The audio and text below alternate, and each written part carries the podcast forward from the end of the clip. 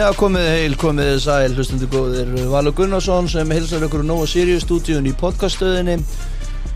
Við erum mættir einn aftur, ég og Mattias Tim sem er stattur á eiginstöðum og við ætlum aðeins að hlaupa í gegnum hvað hefur gerst á free agency markanum hinga til í NFL Matti, hvernig ertu? Ég er bara mjög góður. Ég er betri enn í fyrir þetta um okkar. Já, það er nú aldeilis, aldeilis frábært. Gaman að hitta það aftur með svona stuttu, stuttu millibili. Já. Uh, Hefur eitthvað gerst í lífinu síðan við heyrum síðast? Nei, eiginlega ekki sko. Bara svona, sama bara. Lífið er svo þægilegt hérna fyrir austan. Já, ég er enda að trúi því vel. Góð rútína og svona. Já, snjóar mikið hjá okkur núna? Já, allt og mikið. Í alvörinni Ég er alveg að fara að pælja að kaupa með snjóblásar sko. Er í alvörinni snjór hjá okkur? Já, það er bara Maður þarf að móka stjettina 2-3 ára á dag sko. Áhugavert, ég var að djóka, ég held að vera lungu að þetta snjóða núti en, en, en þú veist hvað er best að gera þegar það snjóar? segðu mér. Fá sér eitt kaldan. Já, rétt. Ah, Matti, þetta er segvað hjá mig, þetta er ótrúlegt. Við erum í bóði bóla, léttöl. Uh, Þú ert ekki með eitt til að opna þarna hefur það? Nei, ég er búið með þá Ertu búið Ég- með þá? Já, ég er veðut eftir hinna á mér Ég var eitt hérna Kaldur og, kaldur og góður Endilega að fá sér bóla og hlusta uh, Á okkur matta Ræða um Hvar er þú, Valur? Hvað segirðu?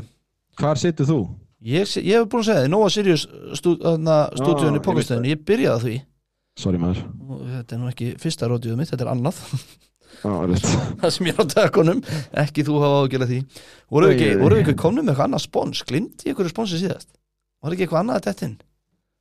Æja, það Eh, kemur í ljós. Eh, við erum alltaf tæknilega sem í keilöldin að við ge- gefa þeim smá sjátt. Já, gefum keilöldinu sjátt ég, ég, just, sko, Kalli sér um alla þessa samlinga hjá okkur og við, hérna þetta er svona óhauðbundin þáttur. Við erum svona aðeins bara stikla stóru og, og, og hérna, spjalla bara við tveir félagarnir Þetta er basically, við hefum sjö börn saman og okkur litist á um helgi. Já, og sjöpöld saman, akkurat. Og okkur leittist um helgi og við ákveðum að spjalla um það sem hefur gerst í free agency markaðunum og þegar við förum í gegnum liðan og svo hefur eitthvað gerst í free agency markaðunum en jú, jú, það hefur eitthvað gerst og þetta er allt í, allt í lukkunar velstandi hérna. En hérna já, þannig að ef við ekki bara hefjast handa Matti nema þú viljur bæta ykkur við árum við byrjum? Nei, það er engin breaking news síðan í sísta þetta Nei, Þannig að við bara rennum í gegnum NFC sem er aðeins leiðilegri eða léttari Já, eða veikari eða hvernig sem við vilt orða það heldur en AFC síðast við þetta var 50 mínútur eitthvað, þessi verður hálftími. Reiknaði með. Nei, ég veit ekki. Mm. Já, við ætlum náttúrulega að vera með tæmer á okkur per lið. Já, nei, nei, Nei, það er algjörlega þóri kallið minn. Það eru nokkur lið hérna sem að gætu mögulega fengið ekki margar mínútur. Nei, nei, það fiskið sem að pakkas var líklega fæstar mínútur í þessu er Herðið, byrjum að ennins í East uh, Dallas Cowboys. Uh, Dallas Cowboys liðið sem að næri einhvern veginn alltaf valda vonbröðum hvert einasta ár. Uh, sama hvað eru lélegra góðir. Þeir losuðu þessu við Sheik Elliot gerðu þið eina rétta í stöðunni að, að, að mínum að þið uh, þar sem þeir voru með betri hlaupara á bakveð Tony Pollard. Já, og já, ég bara er mjög hrifin af því að þeir hafi ákveða að láta Elliot fara og, og halda í, í, eða bara gefa Pollard lykkana. já ég er sammála og ég er eiginlega bara svolítið mjög hrifin af Cowboys í þessu off-season. Nú, já, Þeir já. eru fá sér til sín Stefan Gilmore fyrir fifth rounder sem er fannst bara mjög góð dill Brandon Cooks fá til hann, hann til sín fyrir fifth og sixth rounder sem er bara mjög fínt. Ég held hann eh, myndi nú gefa Texans meira en hann alltaf búin að vera reyður í tvö ári eða eitthvað vildi fara Þeir eru bara svona nokkuð solid, þeir hafa alltaf verið svolítið svona kannski heldur graðir á, til að byrja með fyrst mér í free agency og gert svona hluti sem er klórið sér höstum yfir en Jerry virðist svona kannski vera búin að læra reynslunni, loksins Já, eða bara hann er, orðin það gamall að hann er bara alveg sestur í aftursetið. Geta það ekki Já. líka verið. Gæti verið. En svona það versta sem að mér fannst þeir hafa gert er ekki leikmannalesið, maður hafa gert vel þar en að. Reka Kellen Moore til að láta Mike uh, McCarthy taka við playkólinu er kannski gæti, eða kemur ekki óvart að það væri bara versta move off-seasonu. Ég skil ekki alveg, ég, ég fatt ekki alveg hvert þeir eru að fara með því, sko. Hvernig hérna fóráttur hjá Cowboys í fyrra í, í playoffs, það var hérna þeir töpuð fyrir... Já, Já, töpum fyrir Niners þar sem að síðasta snap Sík Elliot var hann að vera center. Alveg rétt, já, já, já, já, já. Það var eitthvað svona skandal, já, alveg rétt. Já, en þetta er ekki bara típist að hérna, McCarthy veit að hann er að brenna á heitu sæti og þá er Kellen Moore blóluböggull og hann vil þá vera með ábyrðina. Er þetta ekki eitthvað svona? Þú veist, En þá er ekki en af hverju ætti raskadánu að vera að brenna eitthvað Ég meina, þeir eru nú 13 leiki fyrra í maður rétt, er það ekki, það ekki verið Jú. en þegar að, þú veist Og eru þeir eitthvað lið, eða eru nú 12 leiki fyrra? Já, þegar eigandinn ætlar að vinna Super Bowl áður en hann fyrir gröfina Já, ok, þá, þá, þá er einhvern veginn að komast ekki í Super Bowl sem sagt, að hi- hitta sætið. Ég veit að þetta er náttúrulega galin íþrótt til að vera með svona. Ég skil alveg hvað þetta meina, sko. Já, já, En ég held að Jerry sé bara þannig bara shit maður, ég þarf að fara að vinna þetta áður, að, veist, og ég á kannski ekkert ofbóðslega mikið eftir. Þannig að hver, veist, hann er held ég að fórna stöðuleika svolítið fyrir árangur og það hefur komið svolítið í bakið á þeim. Já, sko, En- sko, ég held að sko ástæðin fyrir að Mór er ekki hann lengur er meðal hann að súa, ég meina, McCarthy tekur við 2021, þeir vinna 12 leiki þeir vinna 6 leiki 2020 Mhm. þeir vinna 12 leiki í hitti fyrra og 12 leiki í fyrra 12-5, ok en bæði þessi tímabil enda á móti Niners í fyrsta lagi og á fáralugum playum, þar sem þeir hlupuð þarna fyrir tveimur árum þegar, yep. þegar að hún náði ekki að taka snappið og svo í fyrra þegar að Elliot var sendir og þetta var bara eitthvað gallast sem maður hefur séð sko. þannig að, jú, þannig ég, einhvern veginn er ekki bara búið að mikla það fyrir sér að Mór sé ekki góður í stórum stundum bla bla bla, skilur þú hvað ég meina? alveg potið sko og McCarthy er náttúrulega old school og þess að hann sagði að Kelly Moore hafði svo mikið áhuga á því að skora fullt af stigum á meðan hann vil hlaupa og verja vörnina. Já. Og þá, þá, já, þá losar þau við Elliot náttúrulega en já, En já, ég, ég veit ekki, þú veist, Cowboys á blaði er topp 3 liði í NSI, sko. mm já. En, einherji á blaði væri top 5 en já, hvað ég- Já, mitt, en hérna, að ég veit ekki, þeir eru alltaf sexy á blaði og eru alltaf solid lið, DVOA-lega séð og allt það, þú veist, það er allt mjög hátt með geðvegan koordinator í vörninni, já, en það er bara alltaf einhver, þeir einhvern veginn æla upp í sig alltaf bara í play-offs, eins og þú segir, þannig að það er svo erfitt að, veist, er svo erfitt að spá fyrir um það, því að þeim, þeir gera alltaf hluti sem að ef maður myndi segja það í dag, þá myndi það bara fólk hlæja manni. já, ég skil, ég skil hvað minnur Þannig að, en þeir eru klárlega að vera contender NSI megin, sko, alveg top Já, contender. ég- sko ég er alveg hjartanlega ég er hjartanlega sammála því. Ég vil sjá Prescott stíga aðeins upp frá því fyrra sko, ég mér fannst hann bara ekki nóg góður í fyrra. Mér er sama hvað eitthvað tölur segja, eitthvað stött segja. Mér fannst vant upp á hennum Ja, Ég held að Kók sé nefnilega miklu starra en við gerum okkur Já, ég, fyrir. ég, ég líka sammála því, já. Yes, sir. Yes sir, heyrðu, New York Giants uh, spútniklið síðasta árs með þjálfar ársins Mhm. þeir endur semja við Daniel Jones fjóra ára 160 miljón dólara dýl það eru skipta skoðunum um það og þegar þessi skipta skoðunum menna þið svona 80-20 80% á móti og 20% með því. Já, þetta er, þetta er einhvern veginn svona móralsku samningur held ég, því að hann er í rauninu tveggjára Já, en hann, þeir hefðu náttúrulega getað bara takkað hann og takkað hann síðan aftur og það hefði kostað minna en þessi tvö ári í þessum samning. Áhugavert en ég held að þetta sé svona meira ef þú stóðst þig vel, þegar við erum með ekki gott draft pick til að reyna að fá rookie quarterback. Þú ert betri eða, eða þú veist, þú ert með meira upside en Jimmy G eða Derek Carr eða hver sem var laus á sama tíma. Já, bara, og sjáum hvað, hvað hérna Dable gerði við Josh Allen og Já. menn voru líka þeim saman eitthvað og getum við farið lengra með það Akkurat, þannig að þetta er náttúrulega skiljanlegu samningur, þú veist, Daniel Jones er kannski ekki fjögur ára 160 miljón dollara quarterback, en þessi dýl er alveg mjög sniður fyrir þá með hvað þeir eru, Já, þú veist, bara, þeir, veist, og það er líka bara, þú veist, ekki þess virði að láta hann fara og svo náttúrulega taka þeir Barkley, þannig að þeir halda þeim tveim saman. Ég er svona ekkert rosalega hrifin að því hvað er að gera í kringum hann þó, þú veist, fyrir utan Darren Waller, fá hann alltaf, en hann er alltaf mittur, sko, alltaf.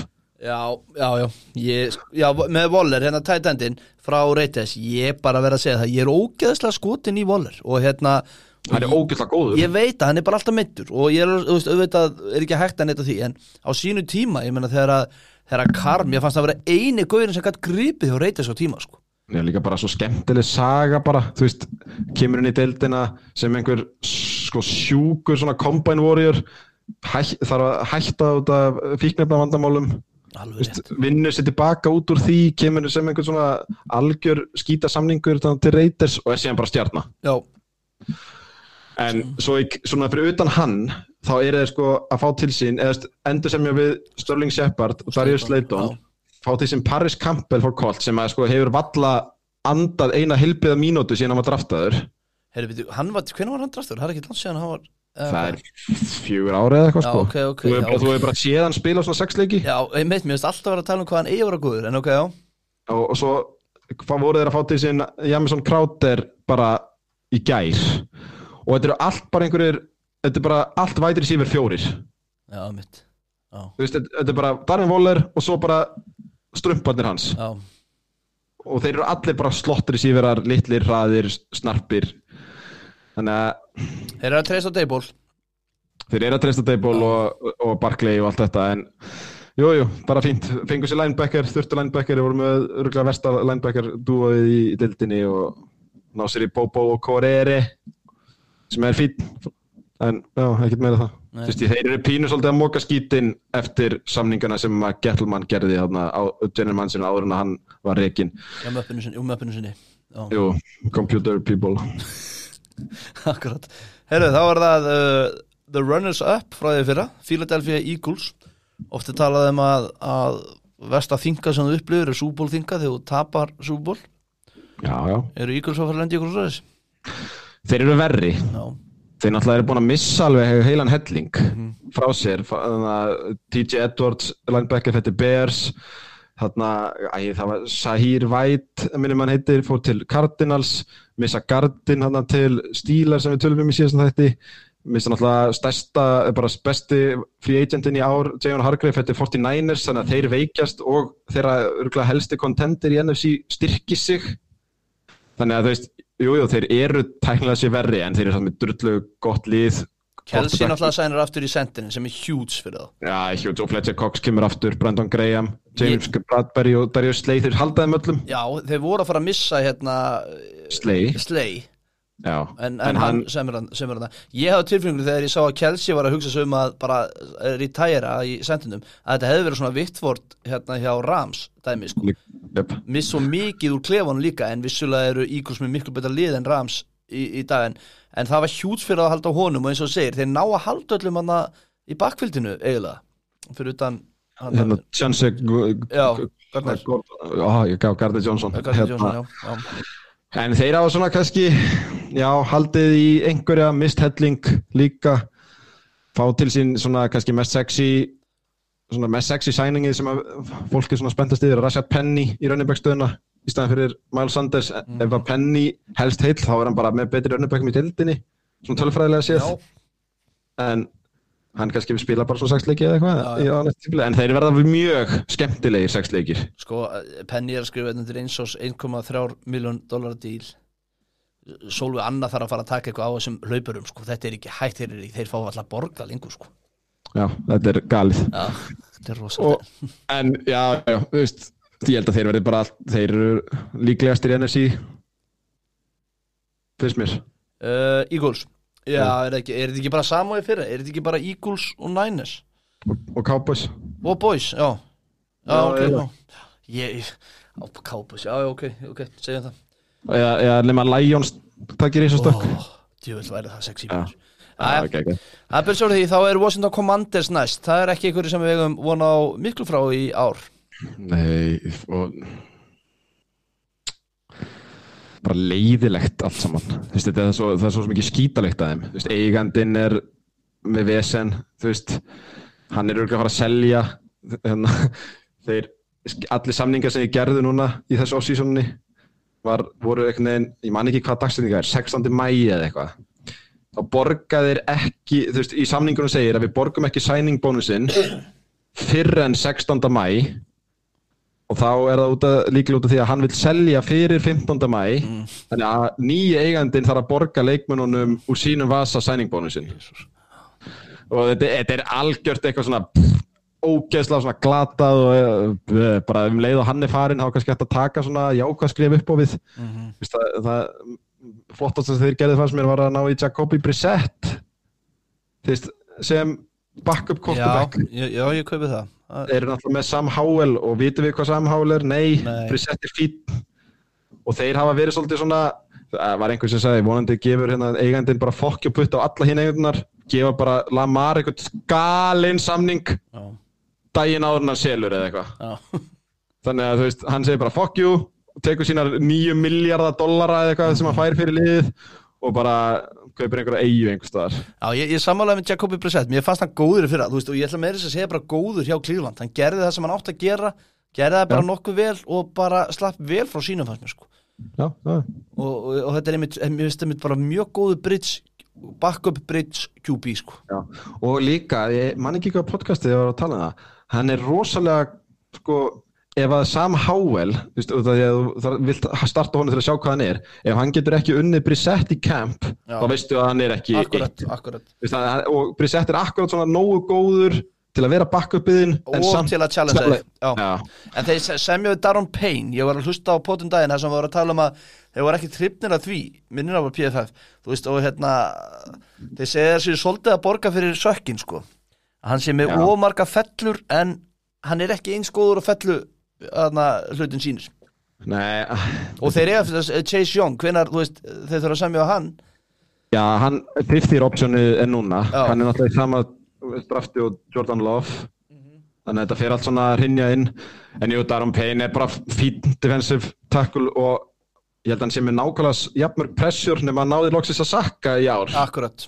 Þannig að, þú veist, jú, kontrakti er og allt það eða eitthvað, ég veit ekki en já, þú veist, hann er bara örgulega, veist, þeir eru með hann og hérna Jonathan Allen í defensive tackle.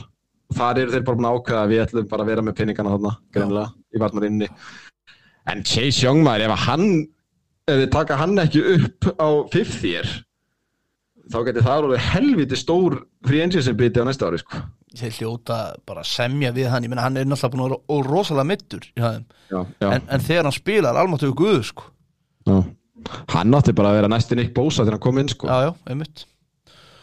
Herðu, þá er það NFC North sem að nefndi nú í síðasta þætti að væri svona svipaður og AFC East að tíleitunum til að hann er búin að snúast á kvolf eftir, eftir undanfarinn áratug getur við sagt. Það sem að Chicago, byrjum að tala um Chicago Bears en það sem ég er að tala um er að Bears og Lions virðast að vera bestu liðin þar. Byrjum að Bears, þeir eru með mesta kappið með number one picks sem þeir treytuðu til Panthers. Já, uh, hvað, þeir eru búin að fá DJ Moore, fengu það í treytunum frá Panthers sem ég líst mjög vel á. Þeir eru eitthvað að styrkja uh, sóknarlinu sína eða ekki, er það rétt mér? Nei, þó. Já, eitthvað aðeins ná þessi, ná sér hann í gard Nate Davis, það er ekkert meira það. Um, Þeir eru núna á stað í draftinu sem er mjög líklega topp 1-2 takkul mm þannig að jú, þú veist sko, sko, sorry, áður, áður en að þú heldur frá fyrir mér skiptir engu máli hvað þið gera í free agency ef þið styrkja ekki sóknarlinu sína. Auðvitað þurfur að styrkja vörðina sína en ef við ætlum að sjá hvað Justin Fields getur sérstaklega í höndunum og öðna skrambla og annað, þá verða þeir að styrkja sóknarlinu sína. Og að því sögðu þá var vörðin glötuð þeim fyrir já, já, var umuleg Sko Náttúrulega DJ Moore geðveikt að fá hann inn í dílinn. Mjög því og bara, þetta er bara flottu díl svona kostar bara að fara úr nýju í einn eða svona, þú veist, þú fær bara þetta var ekkert, wow, what a haul. Þetta er bara normal price fannst mér. Þú veist, þetta var ekkert svona, shit hvað það er seldað ódýrt, en shit hvað er Panthers overpayð mér fannst við, mér fannst bæði lið bara geta verið sátt, mér fannst Bears gera mjög vel í þessu treyti. Já, þeir ná sér í tvo linebackera sem er svona kannski að helsta sem þeir gerði, ná sér náttúrulega í Treyman, Edmonds sem er kannski svona helst í dýllin í þessu free agency sem að hugsa er, ah, þarna er kannski overpayð fjögur ára, 72 miljonir en hann er frontloaded. Mesti Já. peningurinn í þessu samningi eru fyrstu tvö árin þar sem þeir eiga mest space og ég las einhvers staðar að þeir eiga eftir að sko, þurfa að eigða 45 miljónum í cash. Sérst ekki á cap space, heldur cashi til að ná lámarki Já, pælti því Þú veist, eru, þannig að það er basically verið að byggja þá veist, um að kasta peningum Er, það- er það ekki þar sem að annars dreifir þetta deilist það bara á alla leikmennu liðinu eða? Er það, er það kappið eða? Eh, kappið er náttúrulega bara þetta er svona veist, signing bonus Já, ok, ok, ok, ok og, þetta er bara hversu mikill peningur er Já, já, ég veit, en það er, já, það er ykkur peningur sem dreifist á alla hina þegar þau náður ekki að fylla upp í. En það skiptir ekki alveg máli, já. Já, en hæ, já, Edmunds ok, fínasti leikmaður of, dýr, TJ Edwards frá Eagles, hann er flottur það fannst mér góð dýll Já, það er uh, linebacker líka, jú, Jú, það er bara hinn, hinn linebacker hinn þeirra. linebackerinn, já, já. Já, þannig að hann fyrir hann að þrjú ár 19,5 miljón svo er þetta bara, þetta er bara í pikkunum núna sko. Já, svo, ég ætla samt að nefna eitt frá Packers og það er Robert, Robert Tonjan og ég, hann er bara góður í lokinu síðastímbil og fyrir tveimur árum áður hann að meittist þá var hann með 10 eða 11 touchdown fyrir Packers sko. Ég er nefnilega sá sé svolítið eftir honum í tight endinum og það- líka að við hefum engan tight end en hérna, þú veist, ég held að það geti alveg lúmskur dýr líka, þá var hann hinum með við Kemet, vantala, og þá ertu með hvað Claypool, DJ Moore, uh, Mooney Kemet og Tonjan líka, þú veist, aðna, sem er hættulegur í, í Redzone, eða aðna, þú veist aftur, bara drullist til að laga sóknarlínu ykkar Já, og Donta, Don, Donta Forman sænar hjá þeim, sem ég fannst líka alveg fínt eitt ár, þrjá, þrjár miljónir það er svona running back samningu sem að geta alveg verið bara flottur, hann var líka ágætur hann að setja partin á Panthers Já. eftir að fór til nænis okay. en þetta er bara rebuild sko. Þeir, þeir eru ekkert, ég held að þeir viti það sjálfur að þetta er ekkert make or break ár fyrir neitt Þetta er ekki make or break ár en þú vilt samt sjá að við höfum eitthvað í höndunum þannig að við getum byggt á þessu Þú, Já. þú getur ekki bara sagt, þú getur ekki unni fjóra, þrjá fjóra leiki aftur í ár og sagt, "Ja, þetta er bara rebuild Þú núna viltu nei, nei, nei, nei, nei, þeir þurfa sko allt já. undir 8-9 leikjum í ár hjá, já, hvað- segjum 8 leikjum, ég myndi segja að það væri, ég eða vinna ekki 8 leiki, ég myndi segja að það væri vombriðar Já, ok. Mjög reaction. Ha. svona fimm, og jákvæð skref sko. Já, ok, ok, á átta leikir er kannski fullt mikið, ég skal viðkynna það En ég vil samt fara að sjá, þú veist Já, ég vil Líka- fara að sjá að þeir, eh, að maður sjá að þeir geti gert sér gildandi. Þannig að, jú, ok, Líka- 5-6 leikir er kannski alltaf maður sér líka svona að þetta á að vera fyrsta árið í rýpildinu sem við erum að lappin í núna. Maður sér það það bara, þeir fengu first overall pick voru ömulegir og það var ekki einu sinni múk um að coachingstaffið væri í einhverju hættu. Nei, svo, svo bara, er, já. bara ekkert þannig að ég held að eigandin og allir viti að þetta sé kannski svona fyrsta árið sem er í rýpildinu, fá pikkin eru með QB en svo er náttúrulega að fara að borga QB-unum eftir smá sko, það gerist rosa hratt þetta, þetta líður rosa hratt. Ég veit það, sko, það er eitt sem að svona eh, gamla kalla valur fílar ekki, það er, þú veist, þegar menn eins og Adam Rank hjá NFL Network sem er mikill bersatandi þú veist, þegar menn eru svo montnir að því að eiga fyrsta pikkið, þú veist, það er svona hlakkar í mönnum og það er ekki til vottur að skamma sína að við vorum í liðlegasta liði NFL í fyrra þetta stuða mig og ég var bara komið sað. Það er aldrei bara eitthvað svona herru, já, og það er bara þvílið hvað er ánæði með þetta ánæði með hitt, ánæði með fokk, þið voru liðlegastir í fyrra sko, það skammist ykkur. Já, þeir skammast sín þangað til að þetta er tryggt Ég veit það, þá er það bara ok, hvað ætla ég að gera núna? Við erum með fyrsta pikkið að því voru Já. liðlegastir Allavega, Detroit Lions annað mjög spennandi lið í eða annað, mjög spennandi lið í NFC á næsta ári finnst mér er Detroit Lions og ég skal bara viðkynna það, ég er alveg far, ég er farin að vera nærði að byggja fútbolga í Campbell þjálfara þeirra afsökunar á því að bara halda ég fram að hann sé ekki nógu góðu þjálfari. Ef hann á ef hann fyrir í play-offs núna og á annað svona gott tímabil, þá ætla ég svona að fara að viðkjöna að ég hafa haft rámt fyrir mér með hann. Þetta er líka mjög gott off-season. Sko, fá til sín alltaf CJ Gardner Johnson á fucking kanil. Já, Þú veist, ég held, bjóst aldrei við því að hann fengi bara eins ás 8 miljón dólarar samning. Ég skil þetta ekki Það er eitthvað þarna sem við vitum ekki um. Hann er annarkvort algjör hálfviti eða er bara, þú veist það er eitthvað, það er eitthvað svona bak, bakgrunns Það er þess að safety frá Eagles í fyrra sem að koma frá Saints árið áður og allt í ykkur svona, svona dílum, já.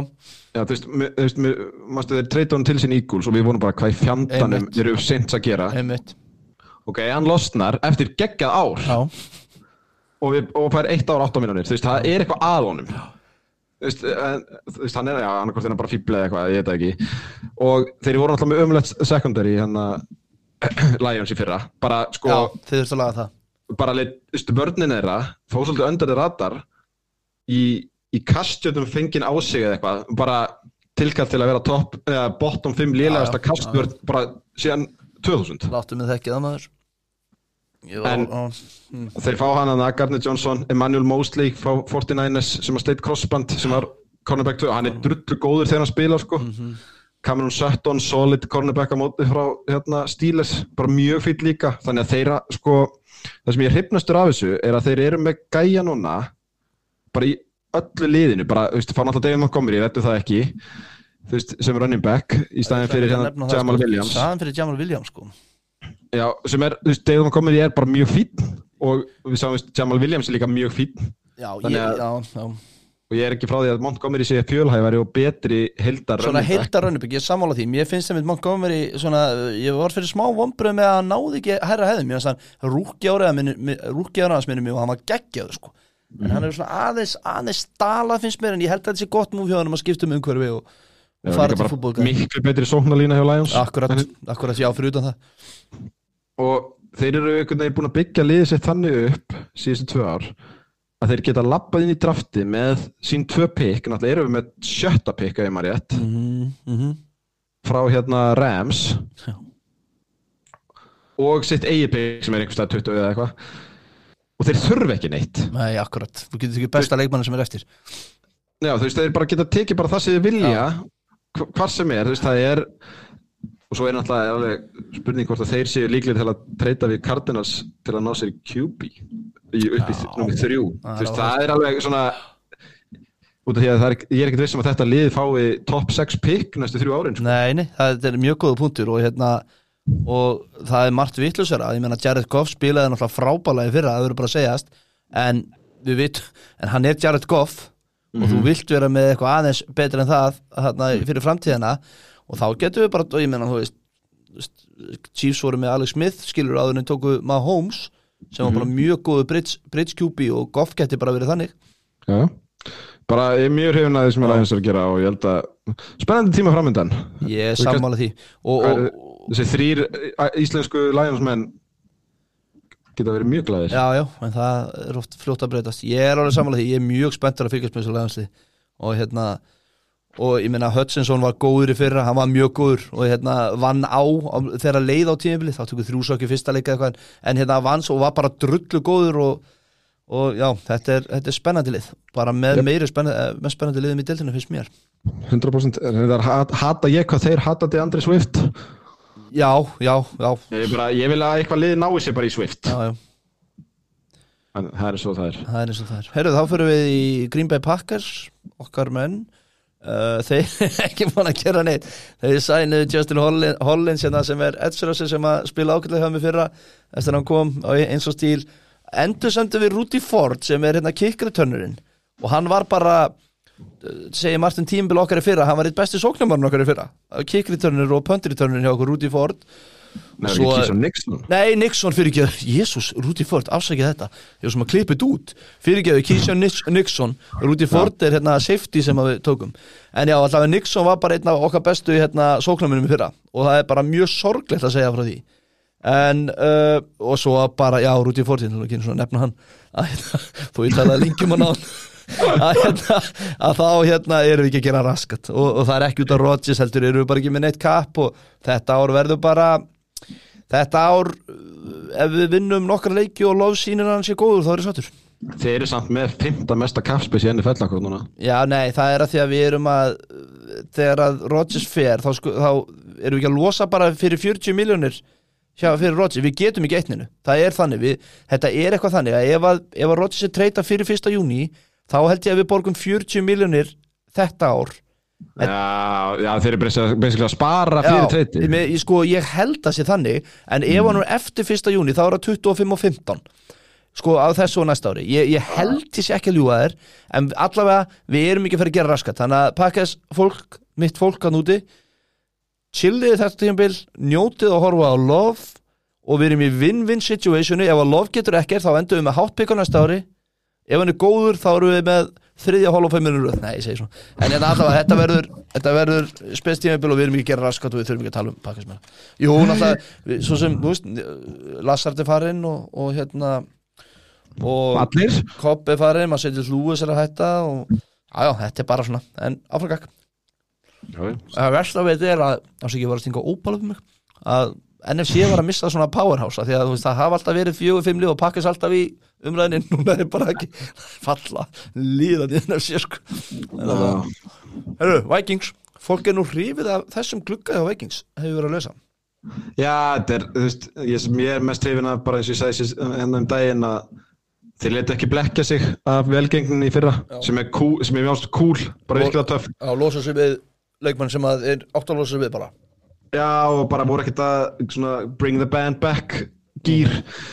Það er svona upp og niður gluggi finnst mér. Já, þeir, sko þurfum við að hafa Dalvin Cook aðna talandi um talandi um leikmann sem ég held að væri bara næsti Adrian Peterson sko. Já. Já, En jú, jú, hann er kannski, ok, hann á eitt ár eftir og hann er bara mjög fýtn og hefur gert helling fyrir liðið og allt það og er auðvitað flottur í búinskræðunum. hann hefur gert helling fyrir liðið en samt ekki raskat fyrir liðið. En já, ok, held að hún Já, já, hérna, Mattisson, bakkafinn hans fær samning, bara, þú veist, í, hann er góður, hann er svona, við finnst þetta svona pínu speglun á Cowboys situationinu, Sík og Pollard, en er Alveg kúk er betri en Sík og, Pat, og hérna Pollard er aðeins betri en Mattisson. En ég held að Mattisson fengi tíma, þú veist, þetta er svona já ég, ég, ég, ég held alveg svona. Þetta bara svona mér finnst svona að backupin vera betri en við vitum. Já, ok, um, ná sér í Josh Oliver sem ég skil ekki tight end hjá, frá Jaguars. Þú veist, þryggja ára samning ég er bara að ég veit ekki, hann er ekkert svona góður. Ég, bjó- þetta er svona díl sem ég alveg klóraði mér yfir. Ok. En, en svo er líka Davenport, þannig að dýlinn já, ég ætlaði að mynda að tala um hann. Hann er sexy sko. Já, hann er bara, sko Davenport Já, hann er svona Edge frá hérna Saints.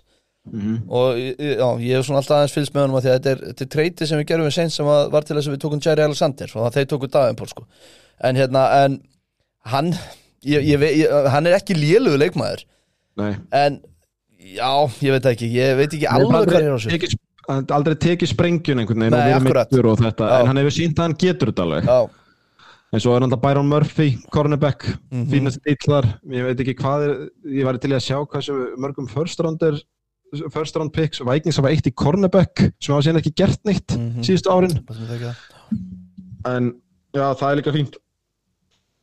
En þeir eru svona pínu svona, ég veit ekki alveg ég, ég veit að ég var að hrósa þeim fyrir átt að segja þeir eru ekki jafn góðir og þeir lit út, eða þú veist, rekordi sagði.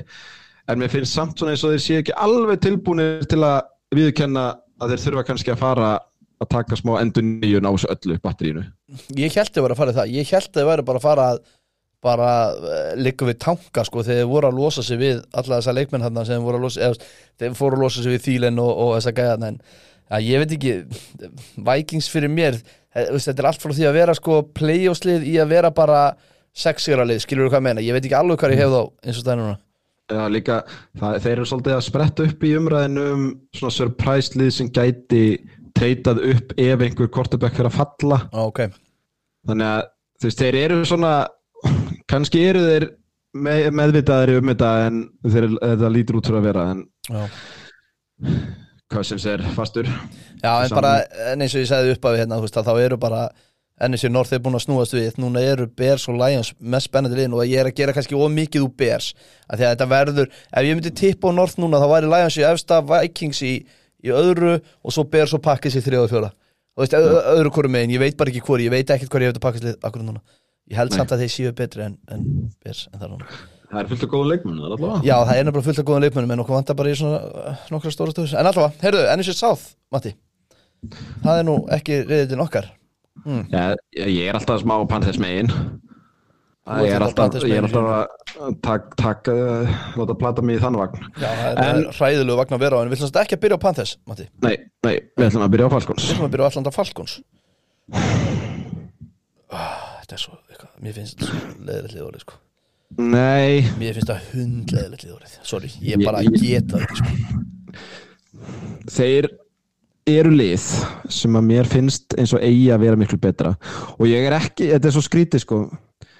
Þeir eru búin að eigða núna síðustu tveimur försturlandurinu sínum í stóra góða grípara í Pitts og Drake London. Já, ok, þeir eru náð sér í þjálfara sem er þekktur fyrir að vilja hlaupa yfir andlitið á þeir þú veist bara ef hann er svona Pete Carroll í Arthur Smith já, Já. svona einhver, einhver svona Pete Carroll og styrum eh, ef ég held að hann er bara geðið sáttur að vinna svona 9-6 Ok. allar ekki sem er, þetta, er svona stangast pínu á einhvern veginn, hugmyndafræði general managersins og headcoachins en samt yfirast er vera sammála, eh, þú veist, ég bara ég veit að ég, þú, þið kallið mig róbotinn þú veist, ég er ekki að fatta þetta Nei. ég bara skil ekki alveg pointið. Þú veist, að, flott að vera með flotta leikmenn það er geðveikt.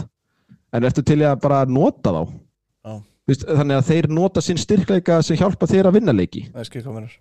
En, en þetta er búin að vera fínast off-season finnst mér. Þú veist, ná eitt besti gardin í deildinni resignar hjá þeim fyrir 100 miljónir 5 ára samning sem er bara mjög flott þeim finnst mér. Ég svolítið að vonast eftir að Caleb McGarry takkuð þeirra er þið veist það er Chris Lindstrom eða ekki hjá, hjá Falcons. Já, Gardin já. Já. og svo resignaður takkulun sinn hann að McGarry. Ég var vonast til að fá Andy 49ers í staðan fyrir McGlinchey til dæmis. Já, og svo náður sér Jesse Bates. Þannig að þeir eru þú veist að styrkja sig og liðið er að verða betra og loksins pínu svona hafa, voru svo fastir í sínu eigin launathæki að þeir eru svona pínu að ná að anda aftur og ná að, að styrkja sig og svona, svona sem er cool.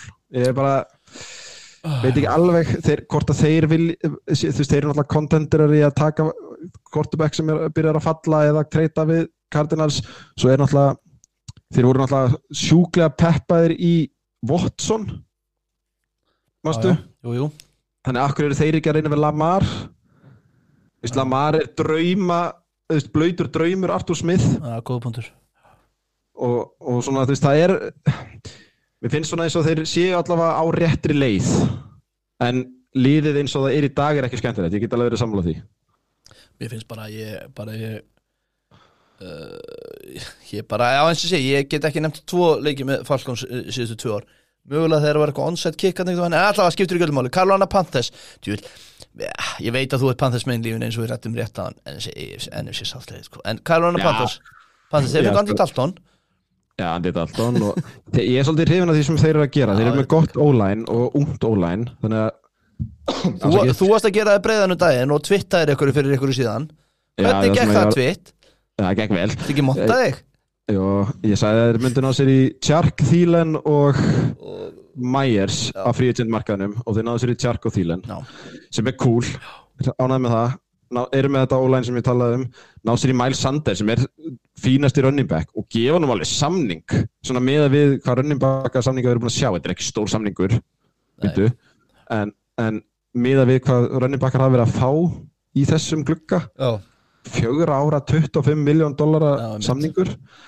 Og þú veist, það er svolítið verið að búa til teppi utanum first overall pick. Ok, ok. Þú veist, þú ert með Andy Dalton sem að ég hef séð á mörgum stöðum að sé svona alveg bara hinn fullkomni bridge. Bara Já. góður að kenna, þægilegur solid, þú veist, hann er svona future coach, Mhm. svo er þið náttúrulega með quarterback coachin sem að þeir fengu, þú veist, Ossísson er búin að vera geðveikt bæði vei, Já, ég, ég er alveg sammála því Ég er sammála þar og geggja staff.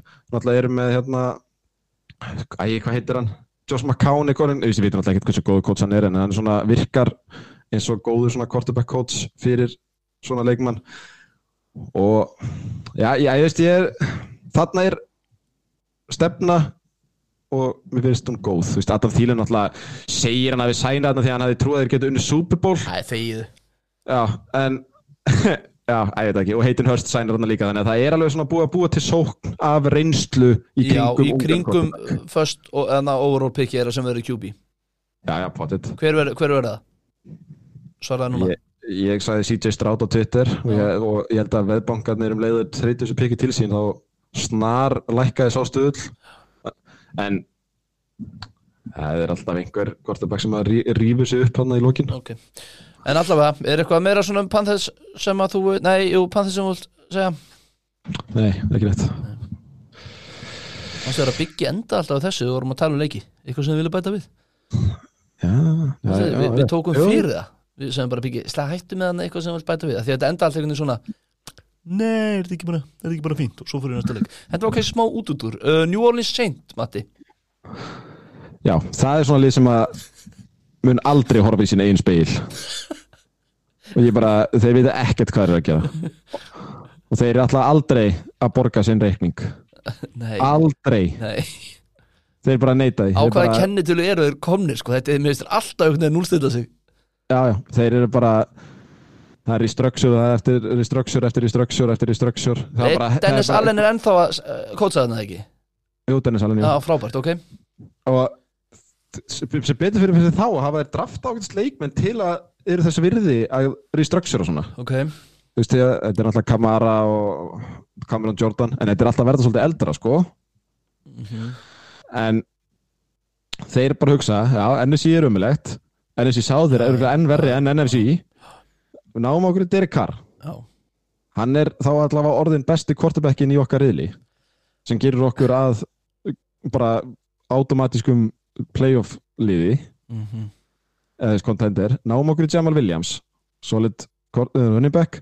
Endur sem ég Michael Thomas sem hefur nú ekki spilað í tvö ára en það er eins og það er. Svo eru þeir alltaf að, þú veist, þeir missa náttúrulega í þessu öllu saman leikmenn. En af hverju eru þeir ekki besta liði enn þessi sáði í dag?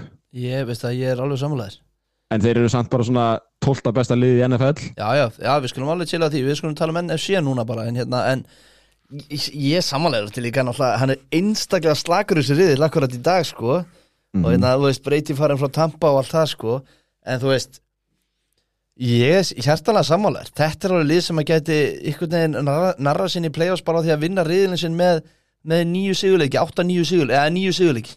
Já, bara 100% 8-9 sigurleiki, sko. Þetta, þetta verður, þú veist, það fer allt eftir hvernig Dalton kemur inn hjá Panthers eða first round, eða first round pickið. First round pick, já. Uh, Þeir eru með uh, James Win- Winston. Já, já, Hann sænar hann aftur hann er. James Winston og hann er bara að ve- vera fyrir aftan Karl hann bara sáttu þar. Nei.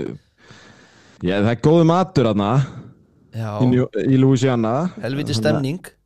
Það er stemmar Þannig að já, ég held að James Winston sé bara borða W og krabba sem hann stál og eitthvað. Þannig að, þannig að þú ert á því að, að þeir eru ennþá ykkur neginn að verja hausnum í steinin að, hérna, að vera bestir þegar þeir geta yngan með verið bestir en þeir gætu enda bestir í NSU South. Er þetta sirka það sem ég tek út úr þessu umræðu? Já. Þeir munu aldrei fara í rebuild. Nei, Aldrei Þetta er svo klikkað sko. þetta er magna sko. Já, gafna og vonandi fyrir Michael Thomas að spila aftur. Með Jésús hvað er langt síðan hann hefur spilað með þér Já. Því að Michael Thomas og Derek Carr er alveg par sko. Já, veistu það, ég er nefnilega ég, ég er ekki mjög hár á kar en mér finnst ég vera hærra á honum heldur en Markus sko. ég, þú veist, A- a- Á sínum degi er hann Já, tíundi besti. Ok, já, uh, ish, eða þú veist, þá, hann á þannig leiki en svo á hann líka leiki sem hann er 2008 já, akkurat. Nú um það, Tampa Bay Buccaneers uh, talandi þá, þeir eru konu með besta minn þinn, uh, Baker Mayfield. Já, á eins ás 9 miljón dólar samning eða 8,5 miljón dólar samning.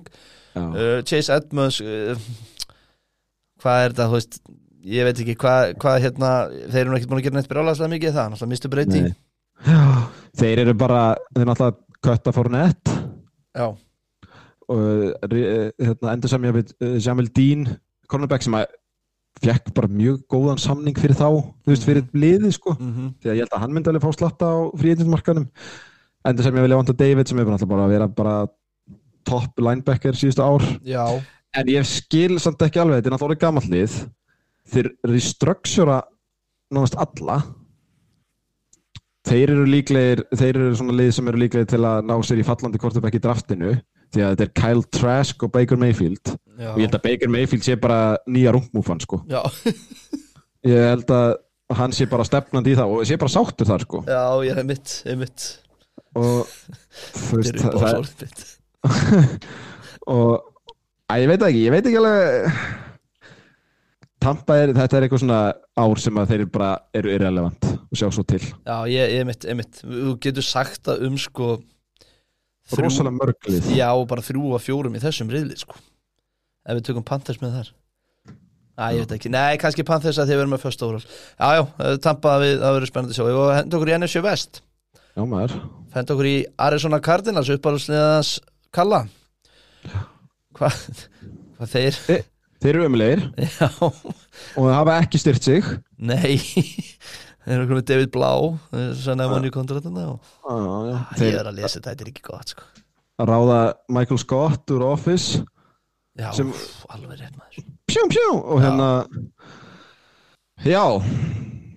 Hvað maður að segja um Cardinals, þeir eru umulegir, verða umulegir og, hald, þú veist, voru umulegir það er við, við erum að fara að sjá sko David Blá eða hérna, hvað heitir hann? Þarna sem var hjá Browns sem Mark Sessler elskar svo mikið og skýrir svon sinn eftir honum Já, hann hérna Colt McCoy, Já, Colt McCoy, alveg rétt, já, já.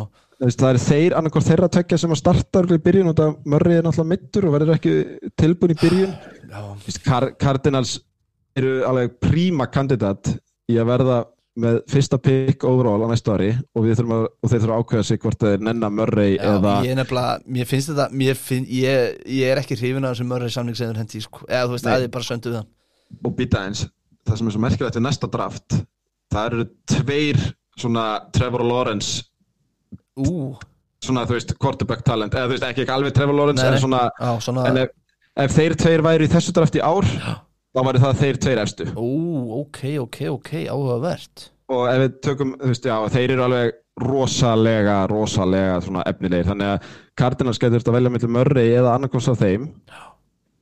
Eða þá bara fá bara, þú veist risa pakka og þá erum við að tala um pakka, sko. Já, þú veist, það er ekkert, ég, þá ekkert við pakkan sem að Panthers fekk í um daginn, sko. Nei, gáfu, en þeir eru ekki búin að gera raskat núna sem að gera það meira spennandi heldur enn í fyrra? Nepp og er að fara að missa örgulega með spennandi leikmanni sér Já, Hawkins, já. áhugavert, þeir eru Já, eru að fara að eða fleiri orðum í, í Cardinals, er ég að hlaupa úr hratt yfir þetta, eru ekki bara nokkuð góðir? Ég, mér finnst þetta fínt, þetta er bara svona ég energy Mér sýnist við að vera að tegja hana þá til lengra heldur en yfir síðan, það skiptir ekki öllu máli, við erum ekki til að drífa okkur. Nei. Heyrði, uh, við erum mynda með svona tracklist á nfl.com og nú er að lesa um Los Angeles Rams sem er einmitt næsta lesa öllum í höllum. Og það eru tvær, fjóra línur. Þeir fengu Titan Hunter Long Acquired in a Trade Rura og Offensive Guard Coleman Shelton. Það er búið. That's it. Uh -huh. Þetta er svipa langt og hjá Pakistandar en það er ekki mikið að gera sér Rams og þetta er eitthvað mesta hnignun á á bara já ég veit ekki hvað liði sem að vann titil síðan bara káar fjall í körfunni í fyrradag eða eitthvað áleika en hérna en, en allavega Rams er orðið bara rosalega eitthvað leiðilegt og liðilegt lið Já, þetta er bara, sem, því mér eru ekki með listan hvað þeir hafa mist, Nei. því sálisti væri langur sko. Hérna, þetta ramslið, sko þeirra kredit er allavega það að þeir geta hort í speilin og ekki séð seint. já, Því að þú veist, það alveg, var alveg möguleiki á því. Og mér langar svolítið að Fyrir við, svolítið- hvað segir þú, hort í speilun og ekki sé seint Já, því að Saints væru ekki að gera það sem að Rams er að gera í dag. Ok. það, þeir, veist, þeir eru tilbúinu til að já, já, já, fokka, sér, fokka sér upp. Já. Herru, ætla hérna þetta er ekkert eðlilega fyndið death chart hjá Rams í dag. Vörnin er að segja mér að þú þekkir einn mann og ég ætla ekki að lesa Baron Donald. Ok, Jonah Williams Bobby Brown III Keir Thomas Ernest Jones Christian Roseboom Michael Hoyt Derion Kendrick Russ Yeast Robert Rochelle Kobe Durant. Nei, Nei, þetta eru starterar. Er því að grínast í mér? Þetta eru starterar. Já, Þetta er Aaron Donald og Bunch of Nothing. Já, pældi í þessu maður. Pældi í þessu.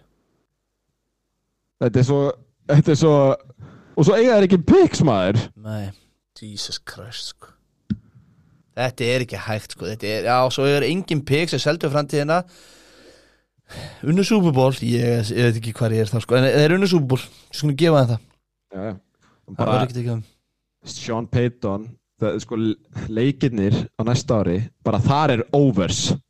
Já, það er bara, þú veist, Aaron Donald það er bara einn maður, þó hann sé samt þrýr menn Já, en hann er samt einn maður, maður. Og ég meina, ykkur til hann hægist á honum anskotin höfða ég er ekki viss. Nei, reyndar ekki.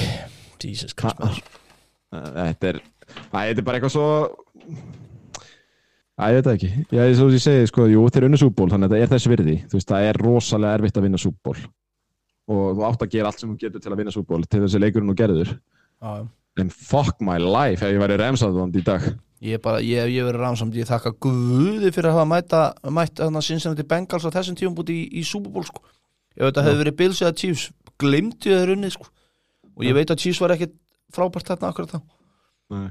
Að, og eins og segi, og sem betur fyrir unnið í súból því annars væri bara, að það er annar mál. Heyrðu, Ja. ja, hvað það segir, slá segja hvað nei, Nei, bara, þú veist, já, þetta er skrítið. Og Fortinanders náttúrulega töpuðu fyrir þeim í Championship game Já. fyrir, eitthvað pyrrandi. já, Já, já, já. allavega, allavega, allavega. Heyrðu, Niners, þínu menn þeir sæna QB Sam Darnold Já, já. sem hlýtur bara að vera það, já, stærsta fyrir utan hugsanlega J1 Hargrave. Nei, tjók Þannig að hvernig er þetta ásins múin að vera hjá þínum mönnum? Bara fínt. Þú veist, það er rosalega sam, sama uppskriftinu alltaf. Eitt stórt sæning. Reyndar bjóst ekki við að það er mögulega stærsta sæningi í þessum að glugga. Nei en eitt stórt og svo ódýrir einsás defensive line samningar því að þeir eru með besta defensive line hérna, coach í dildinni þetta er bara árið eitthvað svona trademarkt, bara já, bara viltu pening, varstu ágættur einu sinni? Farið eitt á til næni, svo fáðu þá þryggja ára 20 miljón samning einhverstaðar annar staðar og Fortinanders fá kompik í staðinn. Þetta er bara orðið uppskrift. Þar fekk Clelin Ferrell fyrir um fourth overall hjá Raiders. Galnasta pikk setni ára, en já. Hann er mættur í þetta, þennan skóla. Um, já, svo hefur þetta bara verið nokkuð solid. Rísæna Center sinn bjóst ekki við að hann myndi, ná því. Nei. hann átti drullu gott tímabili fyrra þrítur var samt að starta fyrsta árið sitt. Um, svo er þetta ekkert neitt svakalegt. Þú veist, þetta er bara svona fínt. að segja Oliver, cornerback, pass mér töff. Þá eru Fortinanders núna með tvo bestu run defending cornerbacka í deildinni, tvo af topp 5 En hérna, hverja mistu þeir? Þeir, eru búin að missa uh, náttúrulega, Já, sko, þeir mistu hérna og, og Gwenhu til, til hérna Chiefs. Aha, og Ebukam til Colts, það er stort sko, já, það er svo stórt, já. þeir eru, þú veist, þetta eru gæðin sem voru að rótita hinum megin vendan frá Bosa. Mhm. svo er, þú veist, Jamie Ward náttúrulega, búin að, þessi gæðin sem var búin að vera þarna lengst, fór til fór eldi hérna til Nei, eða, þú veist, já, safetyin. Safety, já, já og hérna, að ég, veist það eru alveg svona gæðir sem ég var að fílaði sem eru farnir. Er, Eru þið betri eða verri núna held, og ég veit að auðvitað er ekkert um markað draftið er eftir svo en í dag eru þið betri eða verri í lók síðast síðast tímpils verri. Verri, ok. Og þú veist, þeir eru já, heilt yfir eru þeir verri. En þeir styrkja sig í varnalínunni og vörn, veist, öll vörnin er að lifir bara í gegnum þessa varnalínu Já, já, nákvæmlega þannig já, bara, en jú, heilt yfir klárlega, þá eru þeir verri. Þeir eru að missa svona solid hérna, breyttar gæja út um allt. Sem er heldur pyrrandi þegar að þjálfarar og general manager er að vera ráðnir út um allt allar deild, þá er líklega að missa þess að gera ég skil Ég skil ekki, Matti minn, en, en lífið heldur nú áfram. Nei, nei, hérna, þið verðið alltaf topp þrýlið á næsta ári í þessari þrótuðu ennu sýtild ég held það Já, en síðasta liðið sem við ætlum að fjalla um í þessari stuttu nýtmiðu yfirfyrir okkar er Seattle Seahawks lið sem að kom mörgum á óvart í fyrra og þar var einn maður sem að kom kannski mest á óvart og það var engin annar en comeback player of the year frá hverju hann var að koma tilbaka úr, veit Matti ekki en það er QB-in Gino Smith sem skrifaði undir 30 ára 75 miljón dólarar samning uh, með max value 105 miljónir Fyrsta lagi, hvað finnst okkur um þann samning? Þetta er flott samningur Mm. Þetta er það er, sko, þessi samningur er enga minn byggður upp þannig að þeir er að taka sig út úr quarterback pælingun í draftinu Ok, með, með þetta Denver pick hérna Já, þeir eru bara hvað, eitthvað? fimm, Já, ja, fimm. þannig að þú veist þeir gæti fengið besta non-QB-in í draftinu Já, ef þetta þú veist þeir þetta, þeir, þetta er drullu gott pick sko Mhm. eða þá ná sér í quarterback of the future og verðum bara með Gino sem svona bridge á styrum uh, þeir ná sér í Draymond Jones defensive lineman, hann er bara mjög fín, góðu samningur. Um, Jaron Reed líka fín uh, ná sér í uh, sko, það kom bara um daginn þetta er safety Julian Love frá Giants. Og þetta er bara einn uppáhaldsamningurum minn í þessu offseasoni sem að þeir eru að gera þarna, þetta er gæðin sem að allir held að fengi stóna samning og áttu svona breakout mjög skemmtilegu safety. Aldrei hefði þetta náður og nei, en það var hann í vörnin í Giants sko. En hann, hann er mjög fín og ég fílaði þetta dæmi og þú veist, Seahawks eru bara rosalega solid lið. Eða veist, Mér, mér, mér fannst þér sanna það bara einhvern veginn í fyrra. Þú veist bara Já. þeir eru solid lið sem að engi getur gengið að neinu vísu náttúrulega þegar þú mætir hérna í, í þú veist, og hérna heimavöldin þeirra sem er búið að breyta um nafni, ég man ekki hvað heitir. En, en hérna, og ég vil ekki vita en hérna, þú veist, og þeir eru bara ógeðslega solid og Pete Carroll sannaði bara sannaði bara, hann er drullu góðu þjálfur og er ennþá með þetta virðistöra Já, þú veist, bara vel, vel reikið batteri. Já, og þeir hlæja bara í bankan með öll þessi picks frá Denver sko. pældi þessu maður. Pældi þessu bara besta sem pældi þú veist, þetta er að besta sem gætt komið fyrir því að losna við Russell Wilson. Já, líka bara besta sem hefur komið fyrir þetta franchise er bara Russell Wilson. Já, Þú veist, komið, þú veist, fourth rounder vann Super Bowl alltaf í svo annan Super Bowl já, og, gefið, og svo endar þetta því að þeir þurfa að selja hann fyrir fullt af picks eða þurfa að selja hann á fullt af picks já, hann er ömulegur þannig að þeir sjá ekki eftir já, einmitt, og bara, veist, þetta er geðveikt sko, eða veist, þetta er algjörlega magnað. Heyrðu, Matti, við erum búin með 32 liði saman. Já, sem er bara nokkuð, nokkuð vel. Þetta er náttúrulega hlaupið það er ekki, allt, búið að gerast ennþá. Ég er að vona að þetta Rodgers trade klárist nú á, að klárast fyrir draftið og talað um draftið að þá verðum við nú með ykkur draft þátt hérna eða draft þætti jú, jú. Og svo held ég að sé nú planið að vera með live við verum live á draft kvöldinu eða nóttinu Já, Mér eru alltaf þótt að rosalega skemmtilegt og hérna gaman, við höfum alveg verið lúmst, eða lúmst margir að horfa á með okkur og, og svona skemmtilegar umræður og spjall. Þannig að draftið er geðveikt sjónvarp sko. Draftið er geggja sjónvar sko, alveg bara ríkala skemmtilegt og, og þegar að draftið er komið og svona þá fer náttúrulega að koma mynd á þetta og það er ofta ykkur treyt á draftinu og svona og, og menn er að tala um að þetta rótist helt klárist ekkert fyrir en bara rétt fyrir draftið en maður veit náttúrulega ekki raskat hvernig það verður. Þannig að það verður bara spennandi að fylgjast með. En við erum allavega búin að vera hérna eitthvað hérna, svo ég kvoti bygga Viltu segja eitthvað að lokum? Nei bara love you Love you, bye Hérna, já, Já. við hérna Við, við veit ekki hvernig við jörd, Jardanir, vonandi allir fjórir uh, Hittumst aftur, en það verður eitthvað að sjálfsögðu fyrir draft sem að er núna þegar þetta tekið upp Bara rétt rúmu mánuður í það Það er ekki 27. apríl, mér minni það Já, jú, jú Já, mér minni aðfara nátt Föstu dags Er þetta alltaf þannig? Já, er það ekki aðfara, er aðfara nátt fimmdags? Þetta er aðfaranótt Nei, þetta er aðfaranótt 2009 Já, það getur verið Byrju, Eða hvað? Nei, nei, nei, Nei, fyrirgefðu. 27.. Ég, fyr- ég, Google gaf mér hérna draftið í fyrra Nei, já, já, 20. Thursday, April 27 til Já. Saturday Aðfaranótt föstudags Aðfara nátt föstudags, þá verðum við hjartanir líklega einhver staðar en við, eins og segi, við erum þetta að taka ykkur að þætti upp fyrir það og hérna, vera með eitthvað sem ég móttrætt og eitthvað, við ætlum að halda okkur svona á tánum og hérna halda okkur á tánum og, og bara gera okkur klára fyrir komandi tímabil sem að verður vonandi spennandi og við vonum að þið haldi áfram að hlusta okkur kæru hlustendur. Og við gerum afskaplega að mæntu hvað við erum að fá góða hlustunum á þessu þætti og bara gegja hvað NFL NFL flóran er að vera stóra á Íslandi. Já, sammála. Ekki? Herðu, bara takk fyrir hlustununa kæru hlustendur, Matti, takk fyrir að vera með mér hérna þessi kvöld Já, er það þáttur þinn núna? uh, Takk fyrir að komið þátti minn, ég fatt ekki. Nei, nei, byggja á hana þátt, eh, aldrei glefa því. En, en ég heiti Valur Gunnarsson þetta voru uh, fimm hjartanir, nei, tíu hjartanir við heyrumst. Var, var þetta, hræðilegur endir eða? Ja, Það er ég að klippa þetta út ásamt hérna lóraðinum um gaurinn sem var vittlu skurri á pakka svo En já, svo, við náttúrulega kunnum eiginlega ekki að setja lög á þannig að byggja bara velur lög á báða þáttina Ég ætla að gera það, ég ætla að láta hann gera það. Ég ætla, því að ég ætla, ég, ég held ég geta alveg gert það ég bara, ég, ég nenni ekki að ég nenni ekki að fikti, ég læta hann velja eitthvað lög Já, ég líka byrjaði að svitna svona köldu, við erum að taka upp hérna tvo þætti og við erum ekki 100% að þeir séu uppteknir. Nei, bæ, bæði vei, ef þau eru að hlusta þá er ég rosalega glaður af því ég er í fyrst skipt á tökkunum og anskotin hafi þetta lítur að vegna efnast Allavega, við erum tíu hjartanir Ég Valur Já. Gunnarsson Takk, takk, bless, bless Love you, bye.